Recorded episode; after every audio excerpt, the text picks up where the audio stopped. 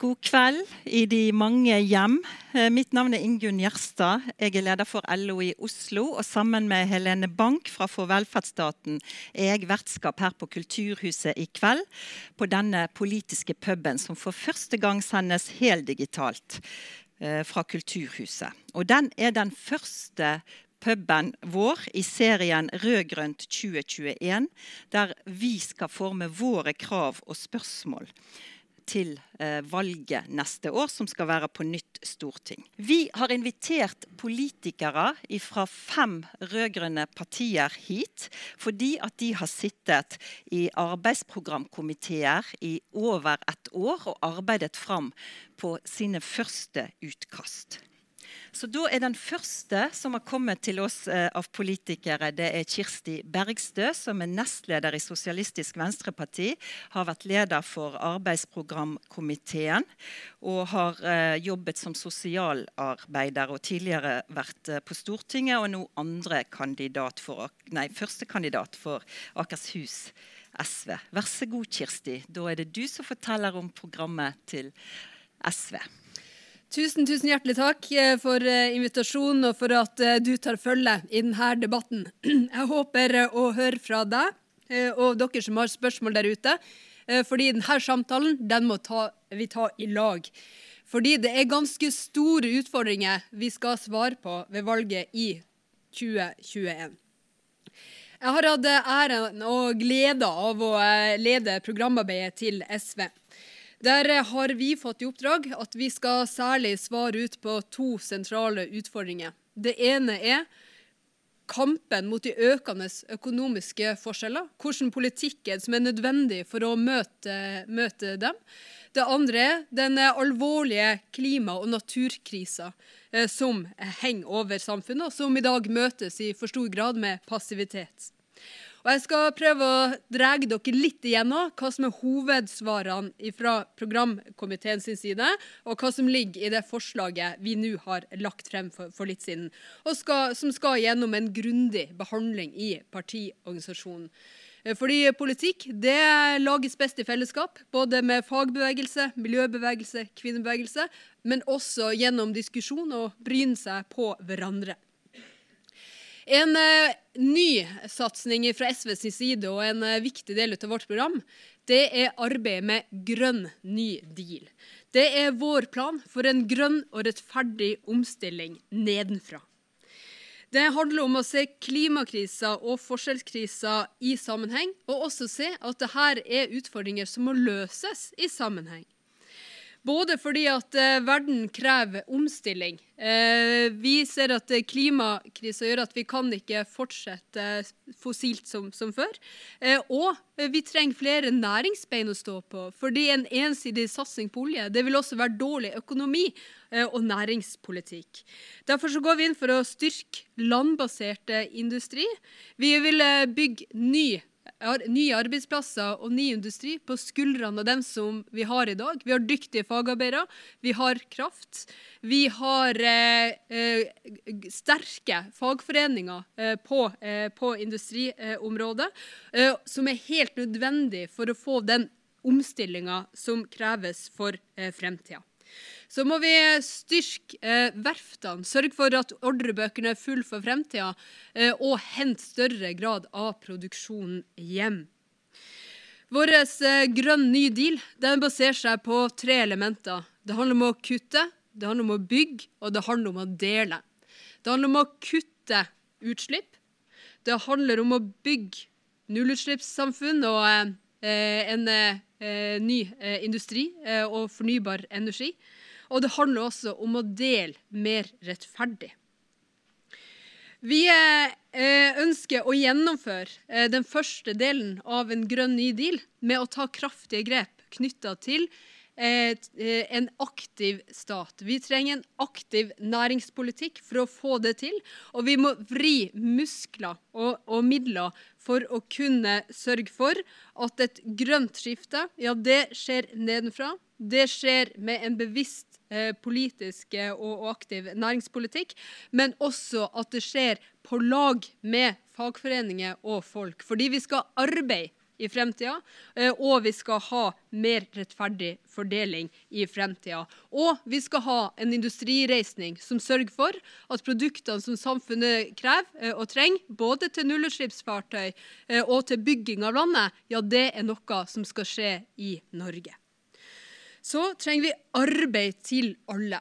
Vi lever i en veldig alvorlig tid, og vi ser at arbeidsløsheten øker. Koronakrisa legger seg som et forstørrelsesglass på allerede økende forskjeller. Og mange står med, med, med fortvilte framtidsutsikter, uten arbeid, eh, og er permittert.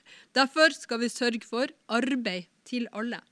Men også et trygt og organisert arbeidsliv. Og da er vi nødt til å gjøre eh, store grep. Vi er nødt til å eh, slå tilbake angrepet på arbeidsmiljøloven paragraf for paragraf. Og vi er nødt til å styrke arbeidsmiljøloven. For det er viktig å huske på at det er en vernelov som skal eh, sikre og beskytte mot skeive maktforhold i arbeidslivet. Det betyr at eh, vi må sørge for at eh, arbeidsmiljøloven blir bedre, og at flere blir omfattet av den. Både på sokkelen, i farvannet. at flere innenfor butikk og dagligvarehandel får bedre beskyttelse bl.a. mot alenearbeid og i forhold til helgearbeid. Vi vil avvikle bemanningsbransjen. Det er fordi at bemanningsbransjen bidrar til å undergrave, opparbeida og fremkjempa eh, eh, ordninger og rettigheter i arbeidslivet. Vi ser at eh, fast ansatte erstattes av innleid arbeidskraft. Det er med på å gjøre arbeidslivet dårligere for alle det offentlige skal ha ansvaret for arbeidsformidlinga. Og vi skal eh, sikre lovfesta rett til heltid og forpliktende likelønnsplaner i alle offentlige virksomheter. Så er det vanlige arbeidsfolk sin tur nå. Direktørene og eierne har hatt skattelette i fleng. Nå er det organiserte arbeidsfolk som skal få skattelette. Vi vil ha fullt fradrag for fagforeningskontingenten. Og vi sier at vi vil ha arbeid til alle, ja, så mener vi alle. Det betyr at man må ha eh, ungdomsgaranti, som sikrer særlig unge arbeid og aktivitet tid. Og vi må ha særlig strategier eh, for mennesker som har funksjonsnedsettelser.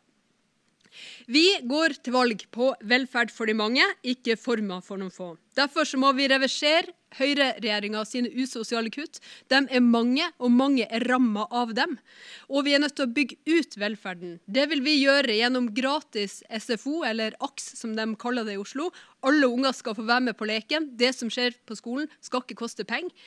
Vi vil ha en tannhelsereform fordi smilet har et klasseskille. Fordi velferden har et hull. Eh, da må vi både sørge for å bygge ut offentlig tannhelse og få den inn under folketrygda. Og vi må sikre inntekt til folk uten arbeid eh, og som har tapt helse. Eh, særlig de som har lav eh, lønn eh, og blir arbeidsløse, mottar skrekkelig lav, lave inntektssikring gjennom dagpengene.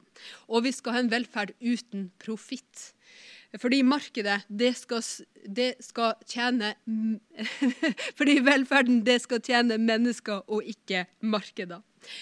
Men vi trenger også en tillitsreform for at det skal skje. Eh, for at eh, møtet med det offentlige skal være godt, og for at ikke det skal være et skjema mellom møtet eh, mellom mennesker. Derfor så må vi luke ut bestiller-utfører-modeller. Vi må luke ut styringssystemer som bidrar til kontroll og hindrer at vi vil bli bedre. Og vi er nødt til å identifisere alt som lukter av New Public Management i offentlig sektor, for å kunne erstatte det av tillit, der fag faglighet og folk settes først, og der møtene med velferden er gode. Det betyr også at vi trenger mer demokrati. Vi trenger å eh, erstatte helseforetaksmodellen eh, med mer demokratisk styring. Vi trenger en eh, offensiv for både feminisme og antirasisme for at flere skal få være med og forme sine hverdager. Men vi trenger også mer demokrati. Det betyr at vi skal oppløse tvangssammenslåtte fylker og kommuner. Vi skal styrke kommuneøkonomien, sånn at man faktisk kan få bygge ut gode tjenester og gode samfunn over hele landet. Og Det leder meg også inn på kampen mot sentraliseringa. Vi trenger et løft for distriktspolitikken. Og god distriktspolitikk og god bypolitikk det henger i hop. Fordi når flyttestrømmen fær fra bygdene til byene, ja, så øker det presset også i bysamfunnene. Derfor så må vi snu sentraliseringspolitikken med å bygge hele landet. Vi må bygge infrastruktur både digitalt og på veier, og sørge for arbeid og bolig over hele landet. I dag funker ikke boligpolitikken verken på bygda eller i byen. Det er vi nødt til å gjøre noe med. Boliger skal være noe man skal bo i, ikke noen få skal spekulere i. Og vi er nødt til å ta ressursene i bruk. Da må vi ta havet tilbake og jorda og skogen i bruk. Og der handler det også om omfordeling. Det handler om at fiskeriene skal forvaltes på en måte som sikrer arbeidsplasser og bosetting på land. Eh, og det handler om at også de små eh, skal få eh, kunne, kunne ta del i, i jordbruket. Da må vi ha en produksjon basert på lokale råvarer, ikke import av soya og kraftfôr. Og vi må sørge for at det er norsk tømmer og skog som beklær offentlige bygg. SV er også et parti som eh, tar kampen for internasjonal solidaritet. De økonomiske forskjellene er alvorlige også globalt. Vi eh, ønsker at, SV, nei, at Norge, eh, ikke bare SV, men at Norge skal være en selvstendig stemme i verden og slutte å opptre som et haleheng til USA. Vi ønsker en selvstendig utenriks- og forsvarspolitikk. Eh, og eh, vi jobber eh, for at verden blir mer rettferdig, og at menneskerettigheter settes settes i front. Da må vi ha en aktiv fredspolitikk og en annen fordeling, der vi også tar kampen mot skatteparadisene globalt. Vi trenger sterke allianser for å forandre Norge. vi trenger Eh, at vi går i lag, fagbevegelse, miljøbevegelse og venstresidas eh, partier, eh, for å kaste de blå. Og det er fordi det er på tide med en politikk for de mange, og ikke lenger for de få. Tusen takk, Kirsti. Det var flott å høre. Da har vi den neste på listen, som er Bjørg Sandkjær fra Senterpartiet. Du er leder i Oslo Senterparti. Du har vært i programkomiteen. Du er bystyremedlem og andre kandidat på Senterpartiet Oslo si liste. Men nå er det programmet som gjelder. Vær så god. Tusen takk for det. Eh, og takk for invitasjonen, og takk for at eh, dere legger til rette for at vi som er her i dag, får både presentert noe av det vi har jobba med i vårt programarbeid, men ikke minst at vi får lytta til spørsmål og kommentarer fra dere som ser på. Så takk for at, eh, takk for at dere gjør det. Senterpartiet, som de andre partiene her, er gjennom en eh, runde hvor vi lager programmet som vi går til valg på til høsten. Førsteutkastet er ute. Hvis dere vil lese mer av det enn det jeg får presentert i dag, så er det bare å gå inn på hjemmesidene senterpartiet.no, så finner dere det der. Vi skal ha en runde til med kommentarer og spørsmål, så det er heller ikke for seint å spørre eller kommentere enten i dag eller å og sende inn det dere måtte tenke at vi bør, vi bør tenke på eller ta med eller vite om. I det første utkastet som eh, er lagt frem, som ser Jeg vet ikke om det er for sett på skjermen, men eh, som ser sånn ut. Der det står 'Vi tror på hele Norge'. Som kan på en måte veldig sånn overordna oppsummeres i tre punkter. Vi mener det er et program for sterkt fellesskap, for lokalt sjølstyre og for grønn vekst. Så jeg tenkte jeg skulle si litt om hver av de punktene og komme inn på Vi har fått litt lekser om, eh, om, å komme inn på noen spesielle temaer i løpet av de minuttene som vi har her. Så jeg skal prøve å få, å få gjort det. Aller først sterke fellesskap. Senterpartiet er opptatt av sterke og gode lokalsamfunn. Hvor det er plass til et mangfold av forskjellige typer mennesker som er bundet sammen av gode offentlige tjenester, av frivillige lag og foreninger, av fagforeninger, eh, og en holdning om at vi stiller opp for hverandre.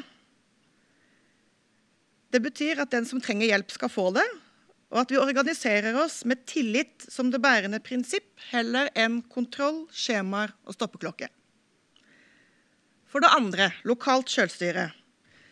Senterpartiet vil bygge samfunnet nedenfra.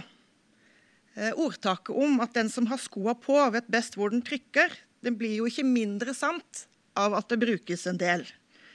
Vi legger derfor opp til mer kommunalt selvstyre, eh, muligheter for kommunene til å finne gode løsninger på de utfordringene som de ser lokalt. Eh, samtidig så er det en del utfordringer som vi må løse sammen. Jeg blir ofte spurt om jordvern, så jeg bare sier det med en gang. Jordvern er så viktig at der mener vi at vi har til og med foreslått å grunnlovfeste jordvernet. Eh, men dette med lokalt selvstyre gjelder jo lokalt, i kommunene, i lokalsamfunnene der vi alle bor, bydeler for oss som bor i Oslo. Men vi vil selvfølgelig også ha at vi trenger nasjonal selvråderett på naturressursene våre, f.eks. Vi vil ikke selge Norge ut bit for bit. Det tredje punktet som jeg nevnte innledningsvis, er dette med grønn vekst. Og I alle Senterparti-program så langt tilbake som jeg kan huske, så har vi en setning hvor det står at vekst er ikke å forbruke mer, men å forvalte bedre. Og Det gjelder òg for det programmet som utkastet nå er ute på høring. Vi har mye å takke olja for, men det er på tide å legge til rette for en grønn omstilling. Gjennom bl.a. at den viktige leverandørindustrien til oljebransjen også bruker teknologien og kunnskapen som er bygd opp, til å levere helt nødvendig kunnskap til nye energikilder eller andre typer industri som vi kan bygge opp. Og den industrien kan vi bygge opp nettopp over hele landet. Eh, vi legger også opp i programmet til, opp til satsing på mer bioøkonomi, f.eks. mer aktivt bruk av skogen. Eh, og vi setter av penger til å opprette et nytt fond. Jeg skal nevne noen her konkrete tiltak. Det står mer i programmet. Men et eh, konkret tiltak er å oppsette 10 milliarder kroner til å opprette et fond for nye grønne næringer som skal hete, foreslår, skal hete Bionova. Eh, og I klimakampen tenker vi at vi også må bruke offentlige anskaffelser aktivt. Så vi foreslår at miljø og klima skal vektes minst 30% i offentlige anskaffelser der innkjøpet har klimapåvirkning. Vi har sett eh, her i, i, Oslo og flere andre deler av Norge, Grenland bl.a., at når du stiller krav om f.eks. Eh, eh, organisert arbeidsliv, sånn som i Oslo-modellen eh, vi har her, inn i offentlige anskaffelser, så hjelper det til å få ting i riktig retning. Så vi vil stille krav, krav om klima i offentlige anskaffelser. Så fikk vi jo noen temaer som, eh, som, eh, vi ble bedt om å snakke til litt eh, spesifikt. Så det har jeg tenkt å bruke de minuttene jeg har igjen, på å gjøre. Det første temaet vi ble bedt om, var å si noe om arbeid. Og SV som snakka før meg, er også inne på dette med at den situasjonen vi står i nå, er jo helt spesiell. Vi står midt i en pandemi. Arbeidsledigheten er høy. Vi har sett betydningen av et godt og organisert arbeidsliv. Nå er det viktig å sikre at arbeidsplasser og møteplasser, som her og jeg i dag, overlever. Det har Senterpartiet sammen med de andre partiene på Stortinget hatt en del forslag om. Eh, og Det er ikke del av programarbeidet som sådan, så jeg skal ikke si så mye om det her. Men det er klart at det preger også den, når vi tenker over hvilke ting vi skal legge inn i programmet, og hvordan vi vil sikre godt, et godt arbeidsliv eh, framover. Og I programmet som ellers så er jo Senterpartiet opptatt av at vi skal ha god organisering og et regulert arbeidsliv gjennom å satse på å og styrke trepartssamarbeidet. Og jeg har tenkt å sitere litt fra programmet. Vi skriver at framtida til den norske arbeidslivsmodellen avhenger av at partene står sammen om å bygge opp og forsvare et godt organisert arbeidsliv. Nedgangen i antallet fagorganiserte og mindre bruk av tariffavtaler undergraver denne plattformen. Eh, så leser jeg litt videre. Senterpartiet vil styrke arbeidsmiljøloven som vernelov. Så vi vil reversere de svekkelsene av arbeidsmiljøloven som har skjedd under eh, den blå, blå regjeringa. Vi vil styrke arbeidsmiljøloven som vernelov og sikre at norske lover, forskrifter og tariffavtaler skal være overordna EU- og EØS-regler på arbeidslivsfeltet. Bare gjennom nye og tydeligere lovregler vil arbeidslivets parter og myndigheter ha redskaper, sammen med en sterkere fagbevegelse, kan oppnå målet om et velorganisert arbeidsliv. Vi ser jo at eh, arbeidsinnvandring, endringer i næringsliv, påvirker maktforhold mellom partene i arbeidslivet. Så vi, Et forslag som vi har i programmet, er å ta initiativ til en maktutredning for å forstå dette bedre og si, få maktforholdet tilbake der som vi, der som vi eh, vil ha det, mellom, altså, fordelt mellom partene i arbeidslivet. Og hvor arbeidstakersida er, er godt organisert og har en sterk stemme inn. Det er så mange ting vi kunne snakke om. Jeg lar det henge. Og så håper jeg at det kommer eh, kommentarer eller spørsmål hvis noen vil plukke opp den videre. Vi ble også bedt om å si litt om bolig og helse. Senterpartiet har jo støtta eierlinja i boligpolitikken. Og vi vil bruke virkemidler som å styrke Husbanken for å få det til. Samtidig så ser vi jo at det er nødvendig med et fungerende leiemarked både i by og distrikt. her i byen så ser vi at vi har et voldsomt press på boligmarkedet gjennom at det, at det er en høy etterspørsel etter bolig.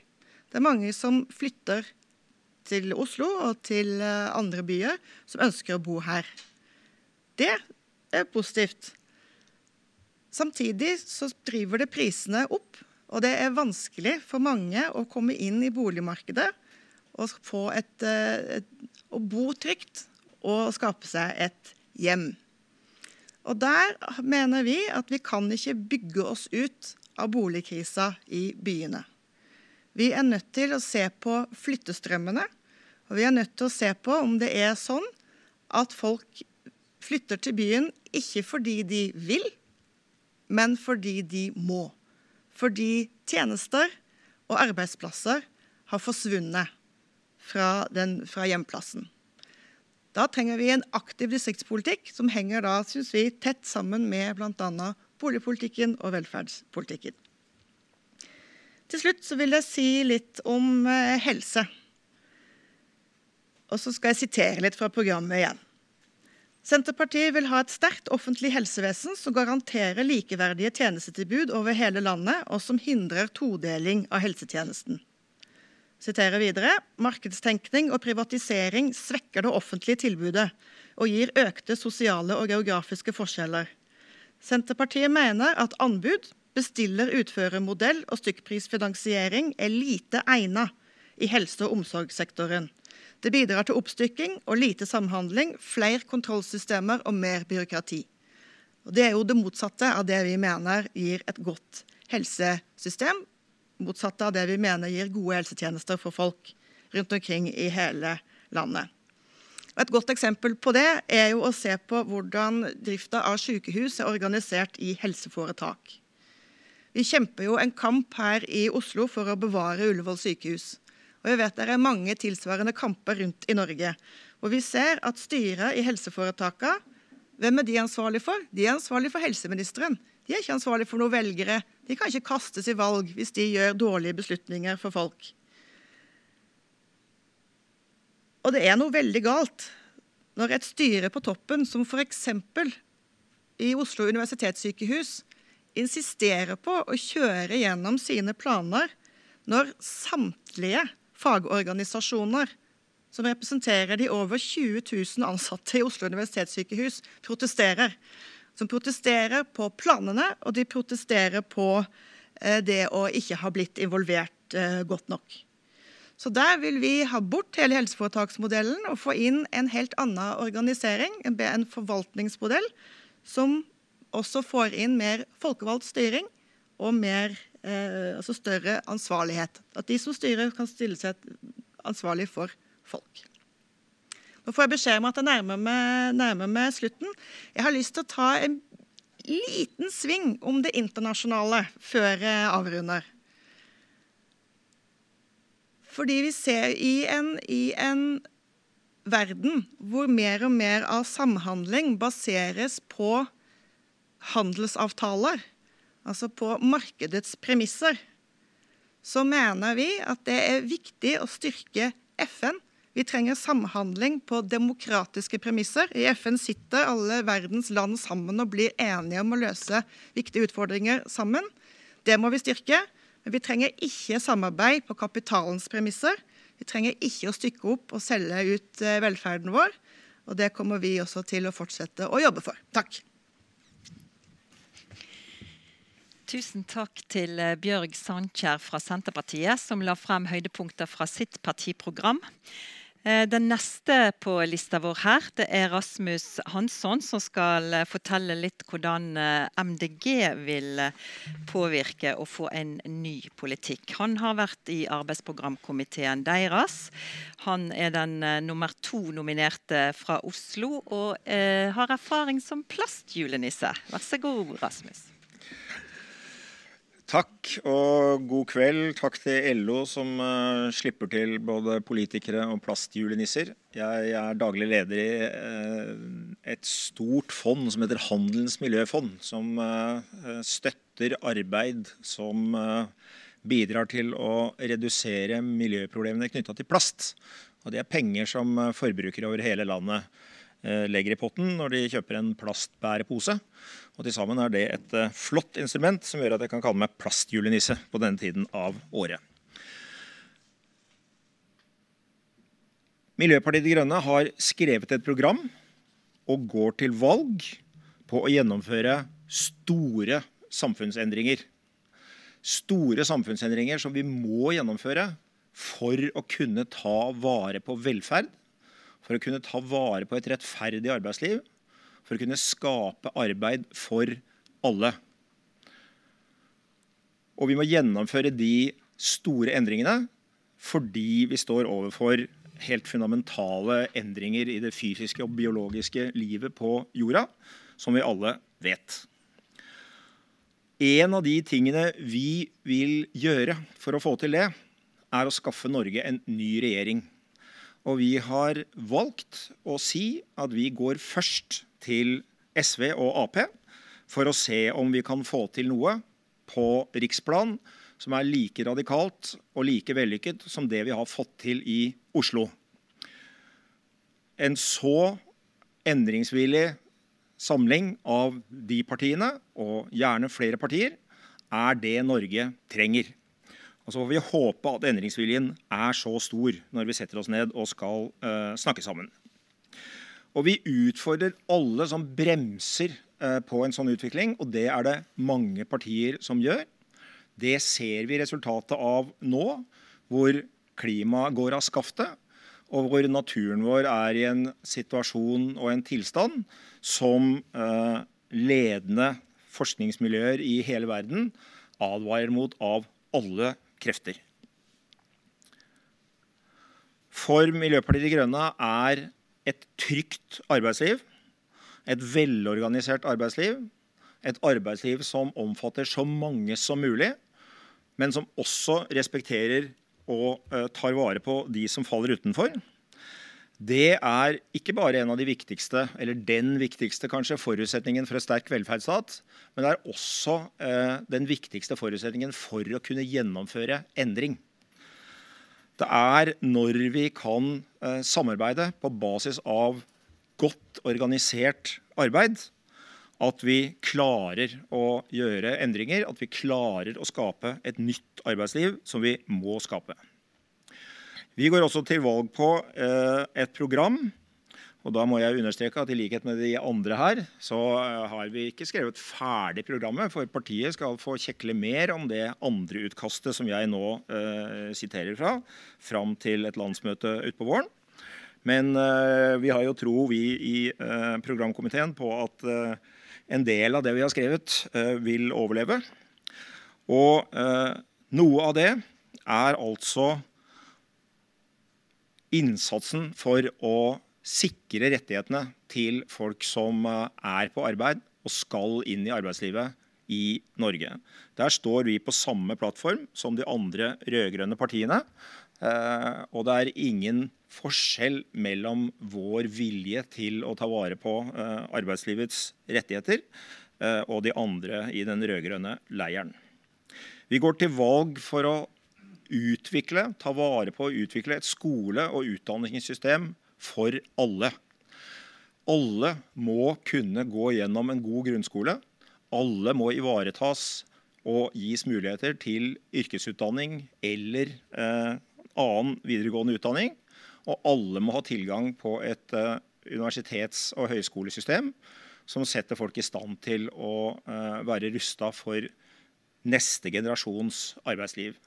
Og det betyr sånne ting som at vi vil øke studiestøtten så mye at det går an å leve av den. Uh, og det betyr sånne ting som at vi vil gjøre det mulig for studenter å bo der de studerer. Eh, uten å bo seg i hjel. Vi vil ha et helsevesen som for det første er tilgjengelig for alle, både uh, uavhengig av sosial, so, sosiale forhold og uavhengig av geografiske forhold. Vi vil ha et helsevesen som ikke er dynget ned av rapporteringskrav og stykkprisordninger, med en førstelinjetjeneste som fungerer for alle de som oppsøker den, og en spesialisthelsetjeneste som kan bruke ressursene sine på det den skal bruke ressursene sine på, eh, pasientene, og ikke på eh, overvåkningssystemer og kontrollsystemer. Vi vil bygge flere boliger. I Oslo eh, er boligmangelen prekær. I de andre store byene er boligmangelen prekær. Men utfordringen med å skaffe folk gode boliger er jo en landsdekkende og nasjonal oppgave. Vi vil utvikle en tredje boligsektor, som er en trygg leiesektor for de som ikke har ressurser til å komme seg inn på boligmarkedet på andre måter. De har også krav på tak over hodet til en eh, god pris, og slik at de kan gjøre det de skal gjøre i samfunnet. Dette tar Miljøpartiet De Grønne på største alvor. Og vi tar på største alvor at disse endringene må gjennomføres på en rettferdig måte. På en måte som ikke skaper økte forskjeller, men som skaper mindre forskjeller. Fordi det å ha et samfunn med små forskjeller er den aller viktigste forutsetningen for å kunne møte store problemer. Velferdsgodene skal være for alle. Og grønn politikk er for alle. Og det er en antisentral politikk. For det er når vi klarer å avvikle de store kapitaloppsugende oljevirksomhetene, at vi kan satse skikkelig på et mylder av eh, oppfinnsomhet og muligheter i stort og smått over hele landet, som vil gjøre det mulig å i hvert fall motvirke den sentraliseringsbølgen som alle som har vært her og snakket hittil, og sikkert resten av de som kommer til å snakke, kommer til å være opptatt av at vi må få gjort noe med eh, her i landet.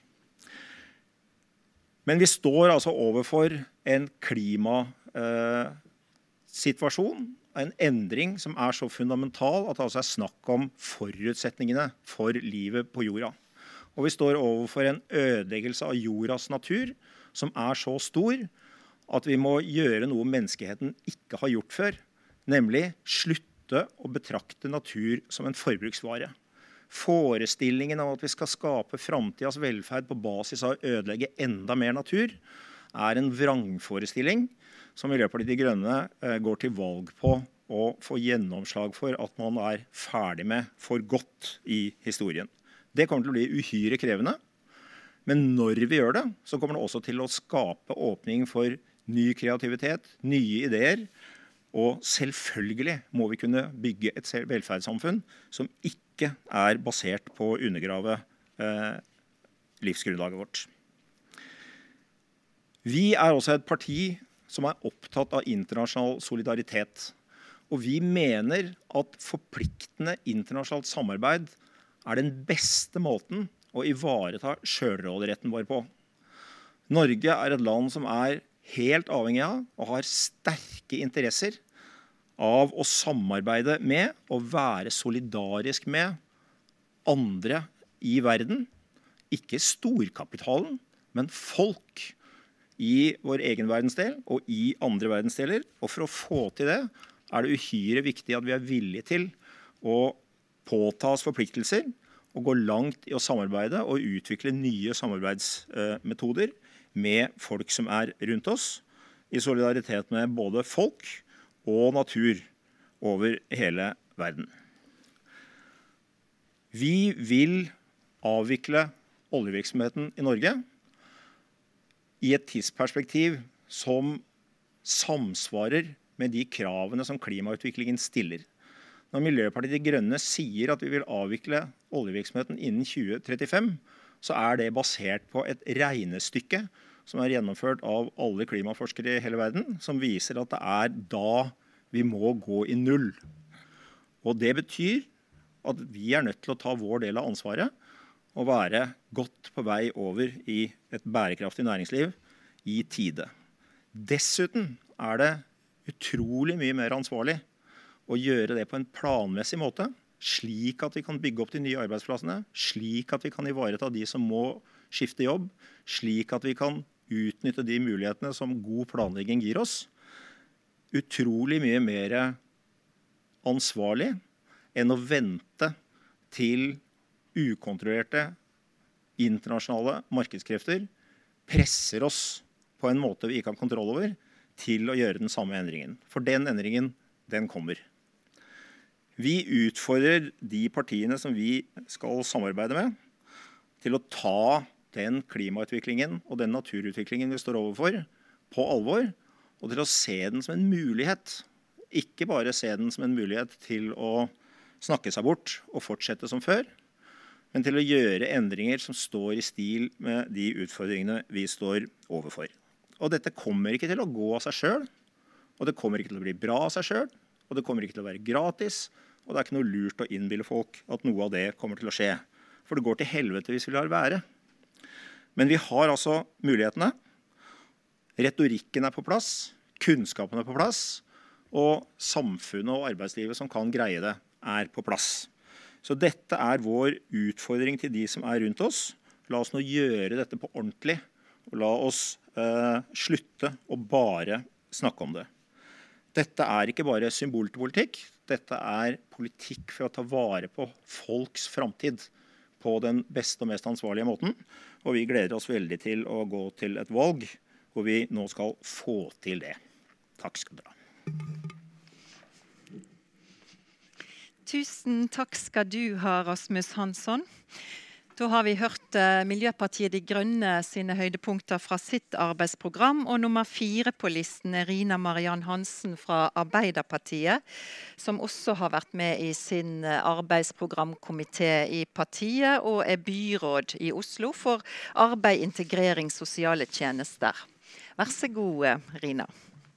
For ei uke siden så var tallet på arbeidsløse her i Oslo litt over 35 000 mennesker. Det er flere enn det er innbyggere i Hamar. Folk som er naboene våre, vennene våre, de tidligere kollegene våre, folk som er foreldre i klassen til ungene våre, som står uten inntekt tre uker før jul.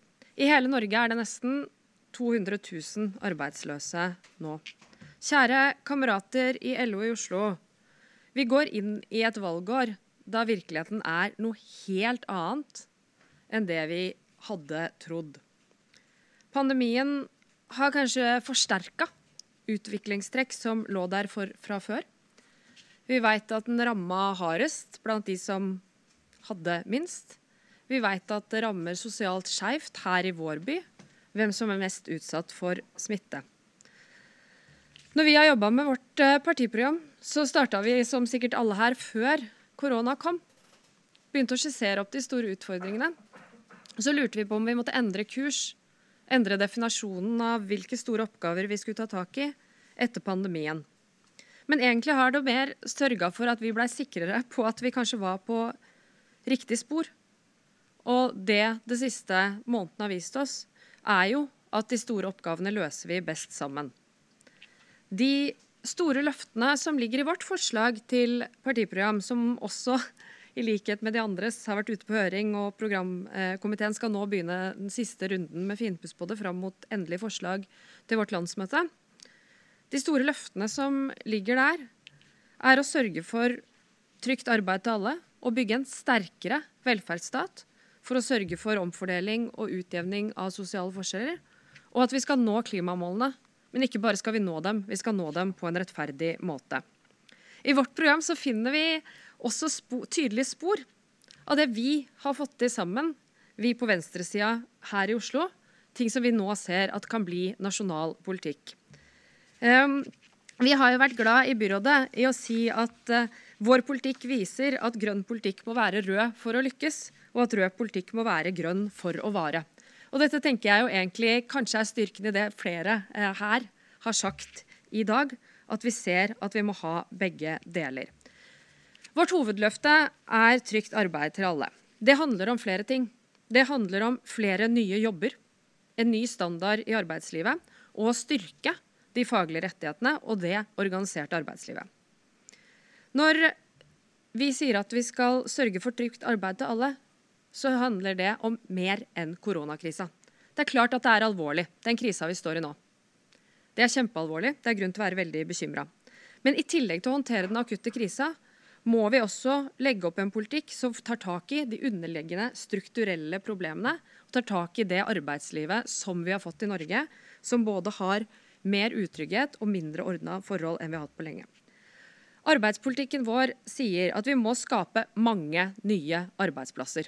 Det tror jeg det har vært enighet om så langt i dag. I vårt program er det en tydelig næringspolitikk med en veldig aktiv stat.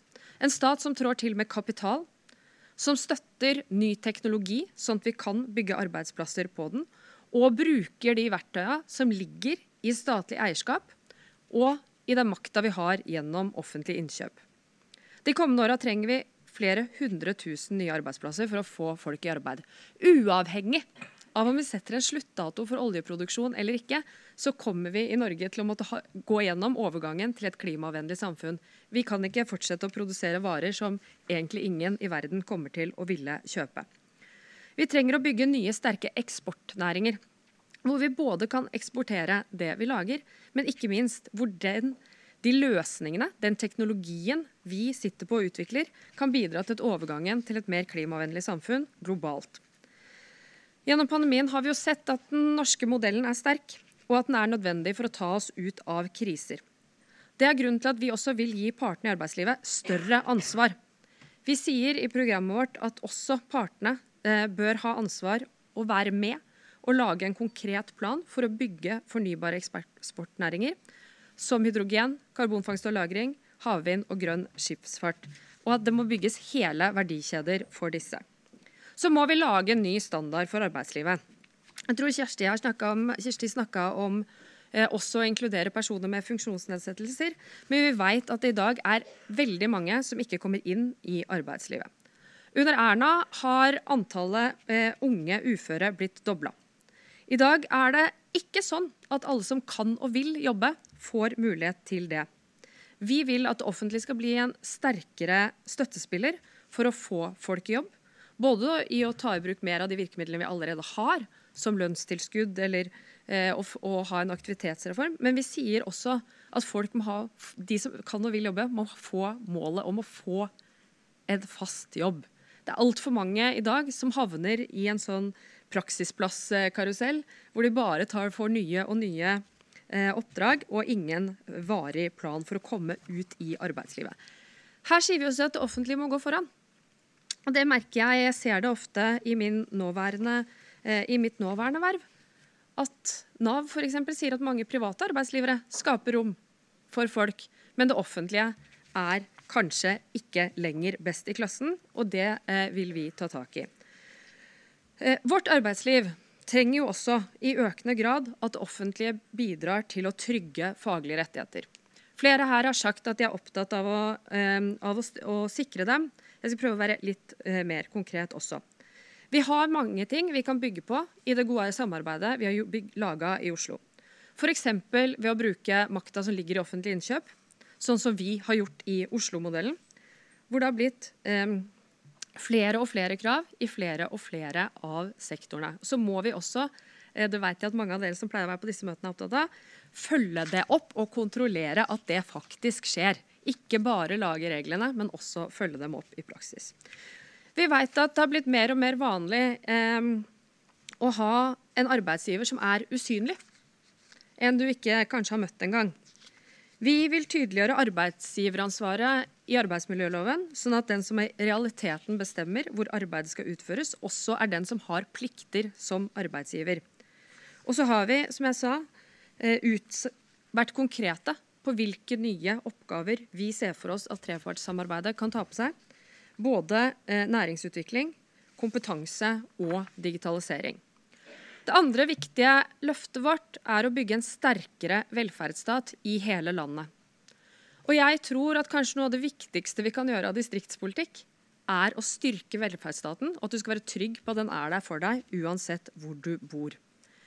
Å styrke velferdsstaten er å sørge for utdanning for alle. Og vår utdanningspolitikk henger sammen med vår arbeidspolitikk. Og jeg er veldig opptatt av at utdanningspolitikk ikke bare skal handle om ungene våre. Jeg er veldig opptatt av at ungene mine skal ha en god barnehage. At det skal være viktige punkter som er i vårt eh, partiprogram, som, som gratis AKS, også inspirert av Oslo. Eh, eller at vi skal få til tydeligere skiller i lovverket mellom kommersielle og ideelle barnehager. At vi skal eh, gi kommunene større makt til å bestemme over hvilke barnehager de får lokalt. Jeg er veldig glad for at vi har skrevet ting i vårt program om om å styrke yrkesfag på videregående. Mest av alt fordi vi trenger nye fagarbeidere til veldig mange jobber i dette landet. Jeg er glad for at vi har å innføre en læreplassgaranti, men viktigst av alt i vår utdanningspolitikk syns jeg er at vi nå i større grad kanskje enn tidligere anerkjenner at utdanning og læring skjer gjennom hele livet. Og det skjer i stor grad på arbeidsplassen. Det å sørge for at det bygges opp utdanningstilbud som enklere kan kombineres med jobb, det å styrke fagskolene og det å fjerne de begrensningene som er i dag for at de med lite dokumentert kompetanse også kan gå inn i utdanningsløp, er viktig for oss. Når vi lover å styrke velferdsstaten, handler det også om å styrke den offentlige helsetjenesten. Eh, og det er mange her som har snakka om sykehus, eh, og det kunne jeg også gjort. Men jeg vil også si at en utrolig viktig oppgave for velferdsstatens helsevesen framover er å fjerne de sosiale helseforskjellene som vi har. Og vi ser det spesielt nå i pandemien. Vi ønsker en tillitsreform, ikke bare i helsevesenet, men i hele offentlig sektor. Og det å ha mer tillit til helsepersonell, det å bedre medvirkninga vi har når vi er pasienter, og det å få til mer samarbeid på tvers av sektorene, både innenfor helsevesenet, men også mellom helse og veldig mange andre arbeid, eh, utdanning, andre viktige ting, tror vi er utrolig viktig i folkehelsearbeidet. Eh, vi tenker også at vi er nødt til å lage en helt ny helhetlig politikk sammen med de vi skal sitte i regjering på, for å minske de sosiale helseforskjellene og bekjempe ensomhet, som vi vet at er et økende problem.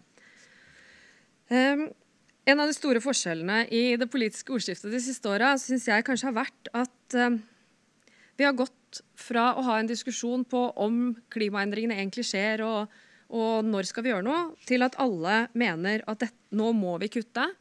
Og vi må gjøre det nå. Eh, det er kanskje bare et bitte lite parti som ikke mener det for tida. Forskjellene er vel kanskje både i hvilke tiltak man ønsker å gjennomføre, og hvilken tilnærming man har til det. Vårt partiprogram foreslår å skjerpe den nasjonale kuttmålsettinga, som i dag er på 50% Vi foreslår at den skal spisses til 55% kutt. Men vi foreslår også å innføre en fordelingstest på nye klimatiltak. Det at vi må ta hensyn til fordeling når vi skal gjøre nye, tøffe klimainnstramninger. Det har vi sett også her i Oslo, at det er viktig for oss når vi gjennomfører store, kanskje eh, veldig inngripende ting, at vi må sørge for at alle er med. Det samme må vi jo gjøre nasjonalt. Vi må ta mange, vi må ta store, og vi må kanskje ta også ganske tøffe kutt de neste åra. En viktig oppgave da er å sørge for at det ikke rammer skeivt. Og det er også å sørge for at det faktisk skapes jobber i de grønne, nye næringene. Vi har vi vil øke CO2-avgifta, men vi vil også ha en sterk stat som sørger for nye grønne jobber. Sånn at de naturressursene vi har, den kompetansen vi har, og de folka vi allerede har som jobber i industrien, også er de som skal være i frontlinja i overgangen til fornybarsamfunnet. Og ikke bare må vi gjøre det for å ha oppslutning om klimatiltakene, vi må også gjøre det for å ha jobber til oss alle. Vi går også til valg på en tillitsreform. Det er jo noe som synes å være i hvert fall flere av partiene her eh, så, eh, har lyst til å gjøre. Det er jeg glad for. Vi har begynt her i Oslo, men jeg må også få si at det tar veldig lang tid å snu ei skute som har hatt en kaptein som heter New Public Management. Her må vi jobbe systematisk, sektor for sektor, og også være sikker på at hvordan vi gjennomfører det, er forankra med de ansatte og lederne som allerede er i det offentlige. Um, kjære alle dere som er her. Pandemien har jo vist oss at vi løser de store oppgavene best sammen. At velferdsstaten er tøff nok til å tåle kriser, sjøl etter snart åtte år med høyreregjering. Det betyr at vi hadde bygga noe ganske solid før det. Vi har sett at de løsningene i pandemien som ble jobba fram av partene i arbeidslivet, har hatt brei oppslutning, og at de som kanskje blir spilt inn med en veldig partipolitisk agenda, ikke nødvendigvis har hatt det. Jeg håper mange av dere bruker anledninga både i dag til å spille inn, men ikke minst etter hvert å sende inn til partiene gode forslag, kanskje også dårlige forslag. Men mest av alt så gleder jeg meg til at vi alle sammen neste år kan stå sammen og få kasta Erna. Tusen hjertelig takk til deg, Rina Mariann. Vi er altså da inne fra Kulturhuset på den heldigitale politiske puben vår om rød-grønt 2021, og partiprogrammene er oppe. Den siste innlederen. Hjertelig velkommen til deg, Marie Sneve Rasmussen, nestleder i Martinussen, unnskyld. Eh, eh, nestleder i Rødt og programkomitéleder. Nå snakket jeg litt for fort.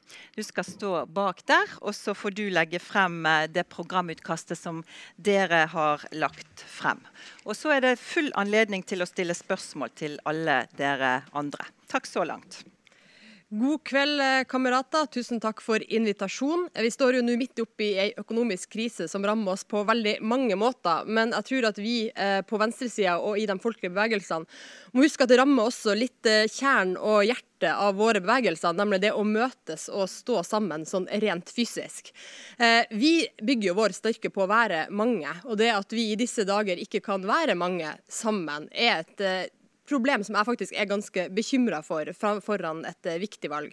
Så Derfor så vil jeg takke LO Oslo for å hvert arrangere de her gode erstatningene for det fellesskapet, men håper jo at vi i framtida kan klare å finne mange måter å være sammen på og bygge det fellesskapet også over internett.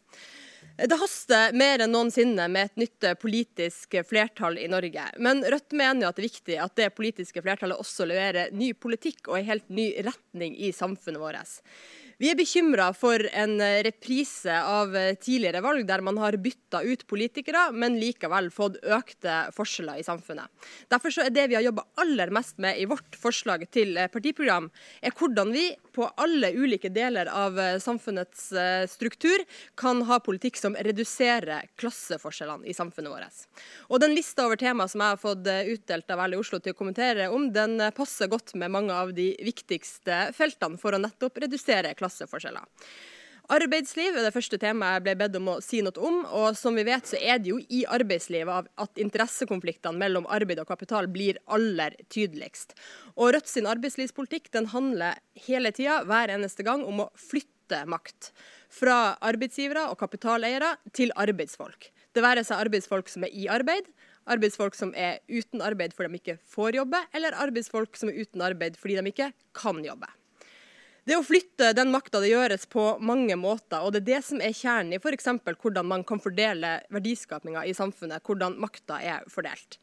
Eh, for Rødt så er det eh, mange konkrete punkter som er viktige for, eh, for å flytte den makta, men jeg kan nevne noen av dem. Det er f.eks. å uh, forby bemanningsbyrå, og heller gjenreise et offentlig arbeidsmidling, som gjør at folk ikke blir en utleievare for kommersielle krefter. At folk får faste stillinger og når arbeidsgiver de vet hvem er, heller enn å gå på løsarbeiderkontrakter gjennom selskaper som Adecco og vennene deres. Eh, Rødt er jo også en uh, sterk stemme for å si opp EØS-avtalen. og Det handler jo nettopp også om den samme maktfordelinga i samfunnet. Fordi vi ser at EØS-avtalen med sin frie etableringsrett og uregulerte flyt har angrepet arbeidsfolk sine rettigheter her hjemme i mange tiår. Arbeidsgiverne bruker også EØS-avtalen som et kraftig verktøy for å angripe de viktigste rettighetene vi har. Det har vi sett gjennom mange viktige dommer både i norske og overnasjonale rettssystemer de siste årene. Og Jeg kan ikke stå her og snakke om makt i arbeidslivet uten å nevne en veldig stor og viktig konflikt som pågår akkurat nå for heismontørene, eh, der tillitsvalgte i Schindler har mista jobben sin. Og Her eh, er det jo eh, godt å, vite at en del, god del av Rødt sin politikk eh, på arbeidslivsfeltet er retta nettopp mot eh, sånne situasjoner. Jeg tenkte jeg kunne prøve å rett og slett sitere litt fra arbeidsprogrammet. Eh, Rødt ønsker jo åpenbart å styrke streikeretten og, og begrense muligheten til å bruke tvungen lønnsnemnd. Vi mener at arbeidsgivere som undergraver norske lønns- og arbeidsvilkår, må rammes av sanksjoner, og Rødt støtter alle aksjoner fra klubber og fagforeninger som, eh, som aksjonerer mot sånt.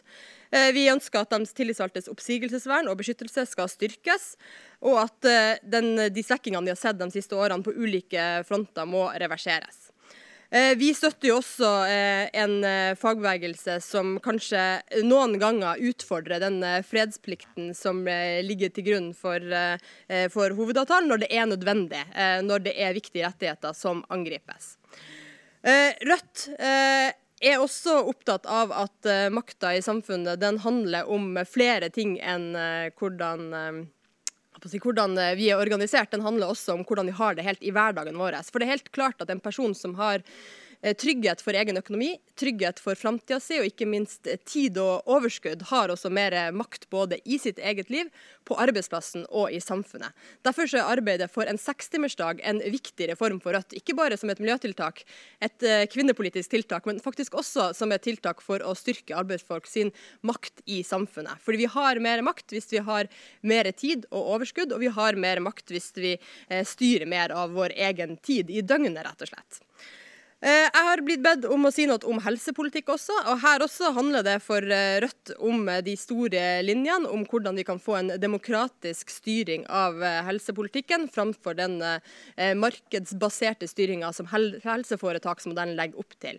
Jeg var i fjor på en slags på si fødeturné. Jeg skulle snart føde, men det var ikke for å, for å, føde mange ganger, men det var for å snakke med veldig mange ulike folk rundt omkring i landet om fødsels- og barselspolitikk politikk.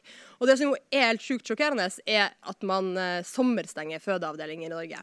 Man skulle tro at det ikke gikk an, og jeg tror nesten at det kanskje ikke hadde gått an hvis det var sånn at det var politikere som måtte stå til ansvar for sånne beslutninger.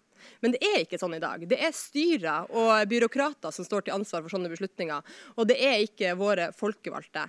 De beslutningene blir tatt på bakgrunn av økonomiske eh, kriterier og av styrer som ofte består av folk med businesserfaring, og ikke folk med verken medisinsk eller eh, Si, eh, relevant livserfaring. De har sikkert god livserfaring for øvrig. Men det å bringe helsepolitikken vår eh, tilbake til rett og slett politikk, og kunne ha en demokratisk styring over helsepolitikken, det er veldig viktig for Rødt. Derfor ønsker vi å avvikle helseforetaksmodellen og å reorganisere sykehusene som demokratiske foretak.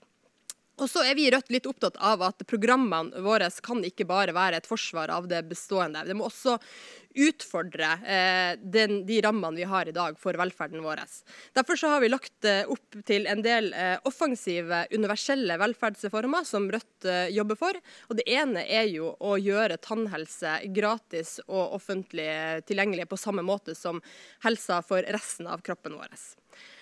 Og så er vi opptatt av åpenbart eh, primærhelsetjenesten også, men i stedet for å nevne mange punkter der, så skal jeg bare si ett, det aller viktigste ordet, som er kommuneøkonomi. Fordi sånn er det med ganske mange ting i arbeidsprogrammet til Rødt.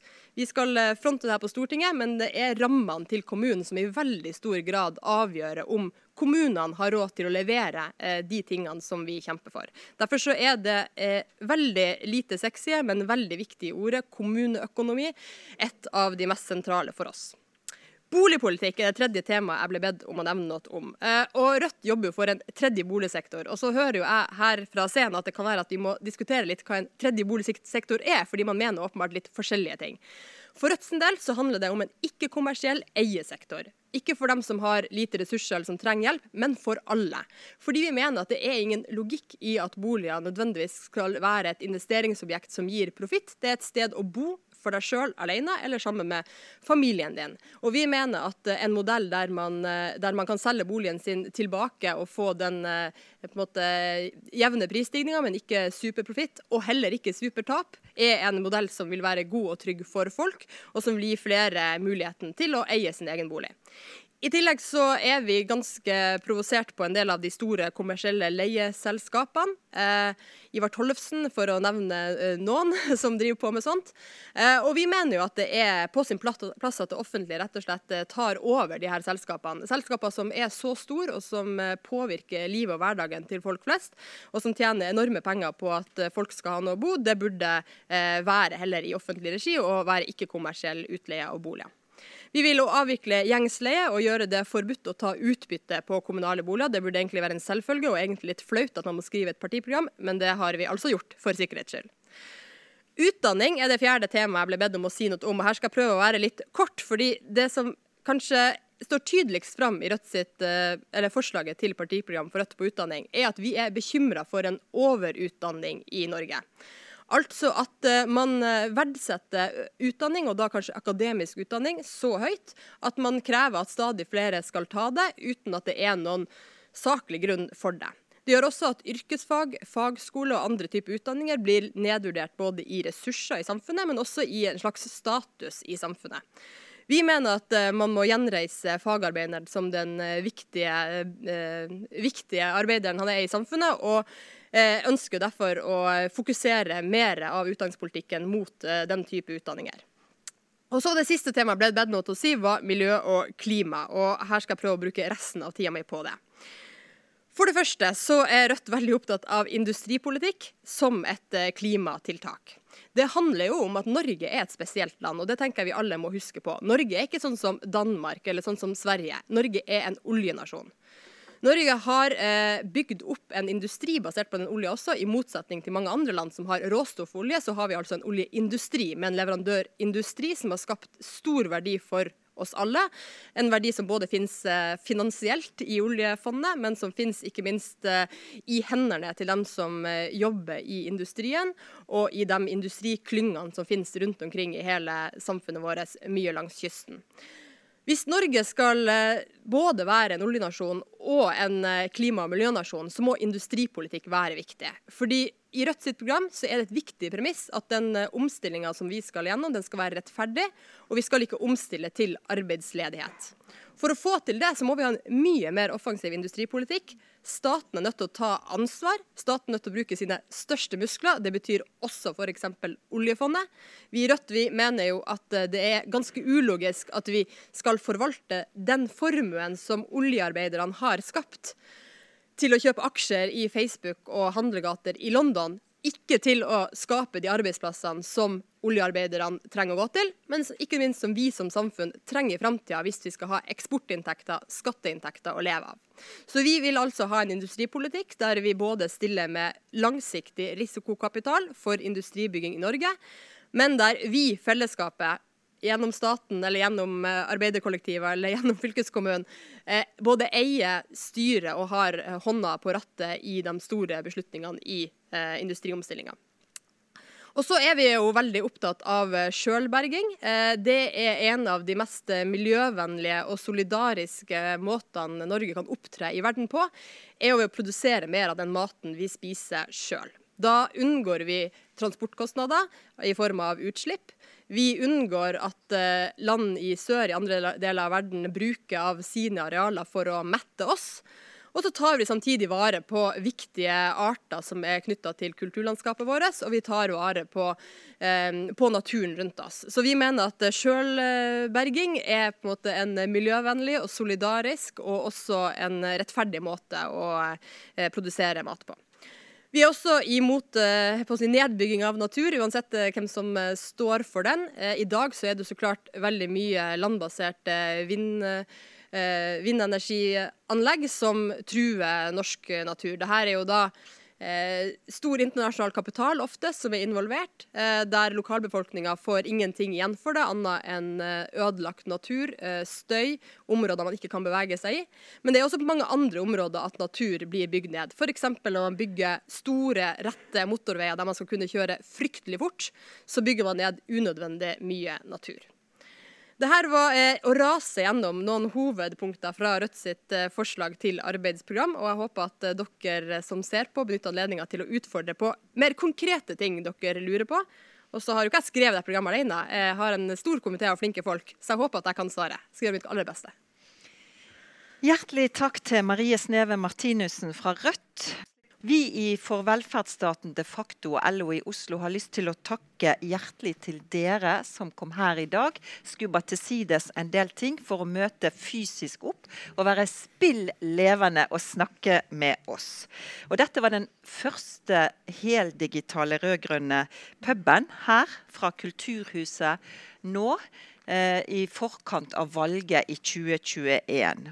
Og rett over nyttår så går vi eh, over til eh, neste politiske pub. Da skal vi invitere folk fra arbeidsliv, andre deler av samfunnslivet til å komme med sine politiske forslag og krav. Og så inviterer vi dere politikere tilbake nærmere valget og stiller dere til vekst på ny. Takk for i dag. Og vi klapper. Denne puben vil bli liggende på vår nettside, sånn at den går an å se om igjen når det er ting du lurer på om hva dine politikere mener.